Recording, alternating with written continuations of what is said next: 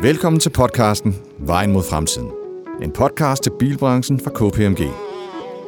Her kan du høre om bilafgifter, lovgivning og den grønne omstilling i bilbranchen netop nu. Dine værter er Rune Grøndal, partner og ansvarlig for KPMG Automotive i Danmark, samt Jakob Skjeris, Senior Automotive Manager, KPMG af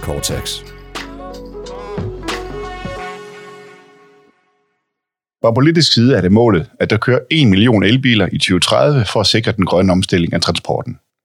Indtil videre kører der 19.000 elbiler i Danmark og 13.000 plug-in hybridbiler, men udbuddet af elbiler og plug-in hybridbiler vokser kraftigt i den kommende tid. EU har reduceret kravet for CO2-udledning for at tvinge bilproducenterne til at gøre bilerne mere miljøvenlige. De danske bilafgifter skal snart laves om for at understøtte udbredelsen af miljøvenlige biler. Vi har Martin Messer Thomsen med som gæst i dag, og Martin han er talsmand hos Elbilforeningen FDEL, som står for Foreningen af Danske Elbilejere, og har også selv været ejer af en elbil gennem mange år. Han arbejder også som rådgiver inden for elbiler, og må sige sig være noget af en ekspert på området her. Så Martin, velkommen til. Tak skal du have. Hvor mange år har du egentlig kørt elbil? Jeg har kørt elbil i omtrent 8 år nu. Og hvad kører du i i dag? I dag har jeg en Tesla Model 3, som jeg har fået for en 3-4 måneder siden. Okay, spændende. Spændende. Nu, nu kan man jo læse om Tesla, at de er godt kørende, når vi taler batteriteknologi og også IT, men, men øh, hvad, hvad tænker du, når du nu har lidt erfaring med det? Er Tesla virkelig foran de andre lige frem på, på den del? På den del er der ingen tvivl om, at Tesla er foran. Den erfaring, de har haft over de sidste 10 år, den har de brugt til at udvikle et rigtig godt batteri til Model 3, som både kan lade hurtigt, og, som, og bilen i hele taget er meget energieffektiv, så den kører langt på, på en opladning i forhold til batteristørrelse. Så på det punkt er der ingen tvivl om, at Tesla er foran i øjeblikket. Mm. Hvordan, altså nu har du kørt i en lang række elbiler gået ud fra, ikke? Ja. Øh, og, og du snakker også med, med mange af jeres medlemmer, som kører i mange forskellige øh, elbiler. Hvordan er det? Altså jeg tænker, hvor meget påvirker kulde og varme, og hvor meget man skruer op for musikken og sådan noget i de her biler? Øh, det er der ingen tvivl om. Batterier bliver påvirket af temperaturen. Mm. Øh, som tommelfingerregel, jo varmere det er, jo bedre har batterierne Altså jo længere kører du i, i din elbil. Mm. Det er der en række forskellige faktorer, der, der indspiller ind i det. Blandt andet er det sådan, at når luften er dejlig varm, jamen så er den heller ikke så tung at flytte. Det vil sige, at vindmodstanden er faktisk noget mindre. Mm. Så det er noget af det, vi ser, når det bliver koldt, at luften er tungere at flytte. Det vil sige, at kører du motorvej om vinteren, jamen så har du noget højere forbrug. Mm. Samtidig har et batteri jo også, øh, kan du indeholde mindre energi, når det er koldt. Så det er også en udfordring. Og så bruger man selvfølgelig varme og alt muligt andet i bilen mere om vinteren, så mm. vi ser en, en nedgang i rækkevidden på mm, måske en, en 25 procent. Det er ret forskelligt fra bil til bil, men det er en betragtelig nedgang. Mm. Men det vender man sig jo til. Man ved jo, at den kører kortere om vinteren, og så skal man måske bare lade den lidt mere om natten, eller øh, lade lidt mere på en hurtig lader undervejs. Så på den måde vender man sig til den bil, man har, ligesom når man køber en ny telefon. Mm. I starten lader man den også op hele tiden, indtil man opdager, at den kan måske holde en hel dag, eller et par dage, eller noget af den stil. Så det, i praksis er det ikke det helt store problem, når man har vendt sig til bilen. Mm. Nu siger du jo rækkevidde. Det vi kan se og høre også, det jeg har hørt dig sige, det er at, at lige det er lidt der skoen trykker hos, hos rigtig mange mennesker. Er det, øh, skal man have en lader derhjemme for, at en, en elbil virker i praksis? Hvad tænker du? Det er bestemt ikke nødvendigt, hvis man ikke kører så langt hver dag. Kører man som sådan gennemsnitsdansker omkring de der 40-50 km, jamen så er der mange af de elbiler, du kan købe i dag, der kan køre en 300-400 km på en opladning. Det vil sige, at du skal lade måske en eller to gange om ugen. Så derfor kan du godt, hvis du ikke har et større kørselsbehov end det, øh, bo inde i en by.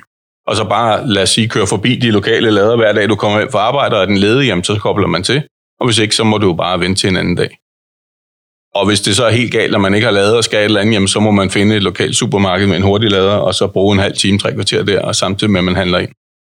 Så hvis du ikke har det helt store kørselsbehov, så er det ikke en udfordring ikke at have sin egen lader. Men det er klart, det er en kæmpe fordel at vågne op hver morgen og have de der 300 km på mm. batteriet, mm. som jo er væsentligt mere end, end mange danskere kører hver dag. Så det, det er der slet ingen tvivl om. Mm. Nu forudser vi jo øh, her hos KPMG, vi sidder selvfølgelig kigger ind i en masse data, men vi sidder også kigger ind i forecast på, hvad det er, producenterne kommer med af, af elbiler. Der kommer jo rigtig mange elbiler øh, og forskellige modeller, også fra de mere etablerede producenter, hvis man Præcis. kan sige det sådan. Så der sker jo utrolig meget. Det vil sige, at vi forventer også, at der kommer til at, også i Danmark, at komme rigtig mange elbiler i, øh, i fremtiden. Men noget er jo det, at man kan source elbiler ind, og det bliver rigtig fint, og vi har også et system, der gør, at man kan understøtte, man, det er fint at købe en elbil med videre, og forhåbentlig bliver det ved med at være sådan. Men hvad med infrastrukturen? Er der ladestander nok til de elbiler, der måtte komme over de næste år? Det er jo det virkelig interessante spørgsmål, fordi når man først har en elbil, så finder man jo ud af, at det der med at få lavet den op igen, det er ligesom det, der er det langt det vigtigste, mere end om den lige kører 3 eller 400 km på, mm. på en rækkevidde. Og jeg vil sige, at i dag, der mangler vi i nogle af de store byer, øh, København og Aarhus for eksempel, øh, ladere inde i byerne, så man kan lade i løbet af natten. Og der, der er man udfordret, specielt på Østerbro i København, men som jeg kan forstå generelt, er man meget udfordret i Aarhus. Så der, der er vi på den, der skal vi have nogle flere ladere. Langs motorvejene, på de store motorveje, der er vi sådan set dækket rimelig godt ind, og der bliver sat ret mange flere hurtige ladere op nu. Men på den lidt længere bane er der ingen tvivl om, at vi skal udbygge infrastrukturen ganske gevaldigt. Mm. Og det har vi jo heldigvis set regeringen støtte op om med 100 millioner kroner til ladestander i år og 325 næste år. Skal dele lidt med nogle andre teknologier, men som udgangspunkt har vi pludselig set regeringen komme frem med en, et rigtig fornuftigt tilskud til infrastruktur. Mm. Mm. Du var nu på Bornholm. Der var så, ja. øh, nu har de regionen har, har, sammen, har lavet et udbud, hvor der så kommer 11 lader på Bornholm, øh, så vidt jeg kunne forstå. Øh, de ni af dem, de lader langsomt, og, og så to hurtige lader. Er det nok? Altså, jeg synes det ikke, det lyder særlig meget til Bornholm. Der kommer jo en masse gæster om sommeren. Bornholm er jo en af de der øh, yderområder i Danmark, som har den store udfordring, at der kommer rigtig mange med elbil i en kort feriesæson. Påske og så hele sommerferie og efterårsferie osv. Nu tror jeg, at det er en kæmpe udbygning i forhold til det, der var før. Der var det jo stressen at køre rundt på Bornholm, det har jeg gjort i gang øh, med, med kun to-tre lader, så det er en, en væsentlig forbedring, men det er ikke nok om to år. Mm. Så det er da rigtig, rigtig fint, at man har organiseret det på Bornholm og lavet en fornuftig model, sådan så at man kan få billigere opladning. Øh, mm. Så det synes jeg er et kæmpe vigtigt skridt fremad. Jeg håber, at den model kan kopieres til andre steder i Danmark, hvor infrastrukturen ikke kommer af sig selv, fordi det netop er kun er i feriesæsonen, at de bliver brugt. Ja. Mm. Det kan vi sige lige tilføje, at, at som jeg husker det, så er det noget med, at regionen og EU betaler 75 procent af etableringens omkostninger, altså hvis I kabler jorden med videre, og så er der udbyder betaler så de sidste 25 procent. Var det ikke sådan, som jeg husker det? Ja, jeg mener faktisk, at det hele er betalt. Det, udbyderen skal kun betale opsætning af selve ladestander okay. øh, og driften af den. Øh, ja. men, men uanset hvad, er det jo en stor forbedring, fordi det er jo op, selve gravearbejdet og købe effekten til ladestanderen, det er det, der er dyrt, og desværre meget dyrere i Danmark, end det er andre steder. Mm. Så, så derfor så er det en rigtig god model på Bornholm, hvis den kan kopieres til andre steder. Mm. Så det vil være her, de offentlige penge kan gøre en forskel. Det er ved at, at sørge for nogle kabler i jorden, og sørge for infrastrukturen, altså i jorden og kabler, så når det virker, så er der nogle private aktører, der kan sætte, sætte ladestander op rundt omkring. Ja, lige præcis. Og, og der arbejdes jo også med en model, hvor man øh, kan låne, altså som operatør kan låne til selve den etableringsomkostning og, og køb af effekt, sådan så man kan afdrage den over mange år det vil gøre en kæmpe forskel på opsættelse af infrastruktur i Danmark. Mm. Det håber jeg virkelig, det, det kan lykkes, mm. fordi det er den store udfordring i driften af ladestanderen. Det er den kæmpe store investering upfront. Mm. Nu siger du jo, at ladning det er noget af det vigtige. Ja. Øh, og der er jo, øh, for, når vi lige tager ladning, så er der jo øh, langsom ladning, som det er det, der foregår derhjemme for eksempel, altså destinationsladning. Ja. Det er på, det er på væslestrøm. Ja. Der bryder ikke så meget saft ind.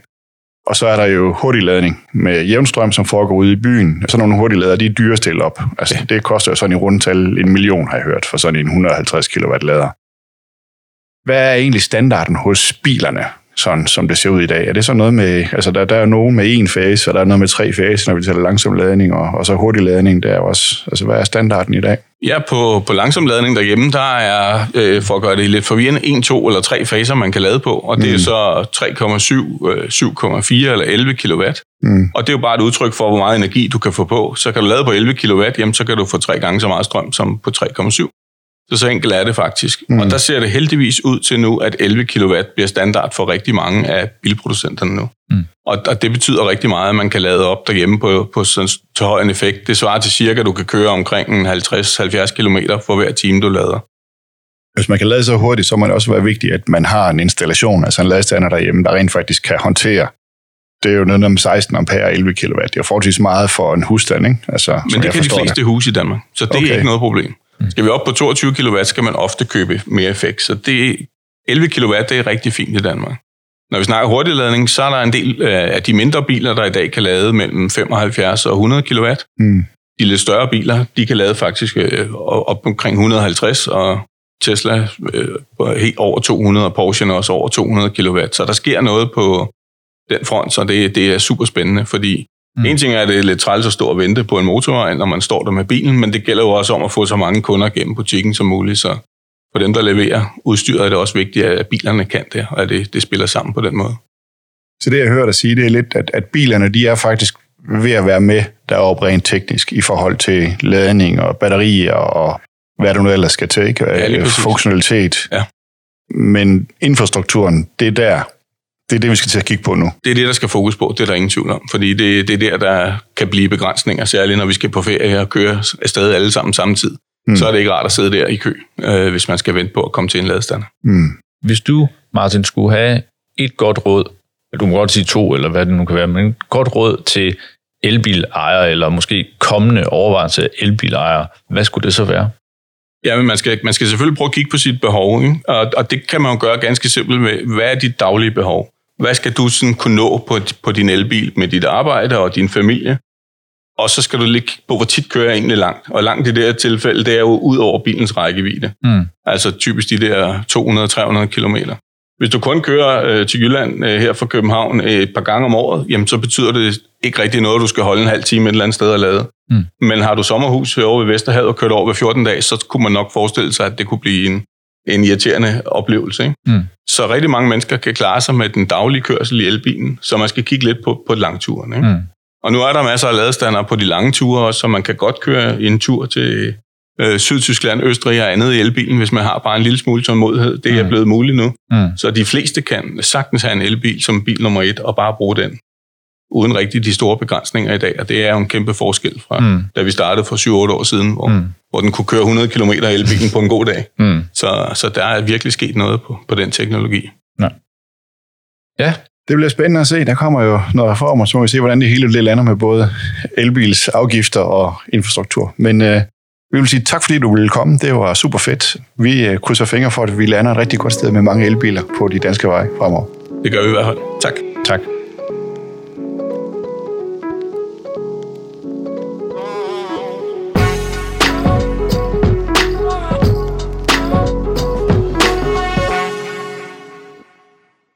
Nå, Rune, det der infrastruktur, det er... Nu gætter vi jo på, at der kommer noget reform af afgifterne her til mm. efteråret. Mm. I virkeligheden så er elbiler jo faktisk billige nu afgiftsmæssigt, så problemet er, at de ikke rigtig bidrager til statskassen. Så det er jo ikke, fordi vi får billigere elbiler, det er vi jo faktisk nærmest skal bidrage med et eller andet. Hvad ja, tænker du? Ja, formentlig, men altså, du kan sige, den, den rapport, som kommissionen skal komme med, bliver delt op i to. Ikke? Altså mm. det, den første del, det bliver omkring afgiftssystemet, og så senere forventeligt på året her, øh, jamen der kommer også øh, anbefalinger til, hvordan infrastrukturen den skal understøtte den her udvikling, som man gerne vil have. Så det bliver jo meget interessant, hvordan at, at de anbefalinger de kommer til at se ud. Det vi egentlig kan konkludere ud af det, det vil sige, der er fokus på det og forståelse. Man ved fra politisk side, hvor vigtig den her infrastruktur den er. Ingen tvivl. Ja. Det er jeg slet ikke i tvivl om, at, øh, at de har fuld forståelse for, at infrastrukturen den skal følge med og understøtte for, at vi kan få den udvikling, som vi har. Det er ikke bare nok at lave et afgiftssystem, der tilsiger, at man gerne vil have nogle flere elbiler. Det er infrastruktur. Det er måske det vigtigste, faktisk. Ja. Ja, ja fordi når jeg kigger på min tal, nu har jeg sådan åbnet mit Excel-ark her, mm. og jeg har sådan, vi, har, vi opererer med tre scenarier hos os. Vi opererer med det mest defensive scenarie, det er faktisk Energistyrelsen. Øh, her, Energistyrelsen, de laver hvert år en, en basisfremskrivning. Mm. Og den, der tager de udgangspunkt i eksisterende lovgivning. Mm. Og, og, og de danske politikere er jo hele tiden lidt bagud i forhold til at, at lave noget langsigtet lovgivning. Det er i hvert fald været hidtil. Så der ligger vi faktisk lidt til, til den lave side, når vi kigger frem mod 2030. Mm. Og så har vi øh, det europæiske snit, hvor man jo på grund af de her EU-regler jo skubber flere biler. Der kommer simpelthen flere miljøvenlige biler, både elbiler og men også plug-in hybridbiler og almindelige hybridbiler. Mm. Og så har vi en positiv prognose også, hvor vi så siger, at hvis vi fortsætter det spor, her i Danmark, der ligger vi faktisk foran EU indtil videre. Så hvis vi kan fortsætte det, hvis de formår at ramme et eller andet, så er det faktisk ikke usandsynligt, at man rammer den her øh, godt øh, cirka en million elbiler, fordelt med to tredjedel elbiler og en tredjedel plug-in hybridbiler, når vi kigger frem mod 2030. Mm. Og, og på den korte bane, der er det jo vores bud, at jamen, til næste år, der har vi fordoblet antallet af elektriske biler, og året efter er det tredoblet i forhold til, hvor vi er i dag. Mm. Så altså, det, det er klart, at der kommer jo et massivt pres på den her infrastruktur. Mm. Altså, her den anden dag, da vi skulle finde lader til, til hotel, ikke? Jamen, du var heldig at finde en, og da jeg kom hen, der var de to, der var optaget, og så mm. var den næste, det var 1,8 km væk. Mm. Øh, og så er det der, hvor man siger, hmm, ja, bu, bæ, jamen, så må man så gøre det senere. Og nu begge vores biler er så plug-in hybrid, så vi er ikke afhængige af det, men det er jo bare rart at kunne lade med strøm, fordi mm. som, som Martin også siger, så er det jo fedt at køre elektrisk, når man lige får prøvet mm. det. Altså. Jamen, jeg tror, altså, der er to barriere.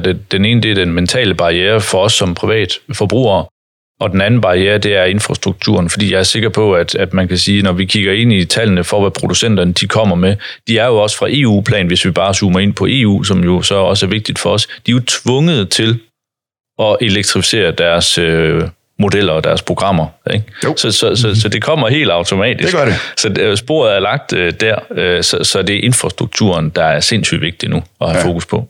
Ja, det bliver æderbanken spændende at følge, men det er jo også noget af det, som vi kloger os lidt i, når vi kan, og, og, og hvor vi også øh, er med i de her globale netværk hos mm. KPMG omkring både bilerne, men også omkring infrastrukturen, så det er, det er super spændende at følge.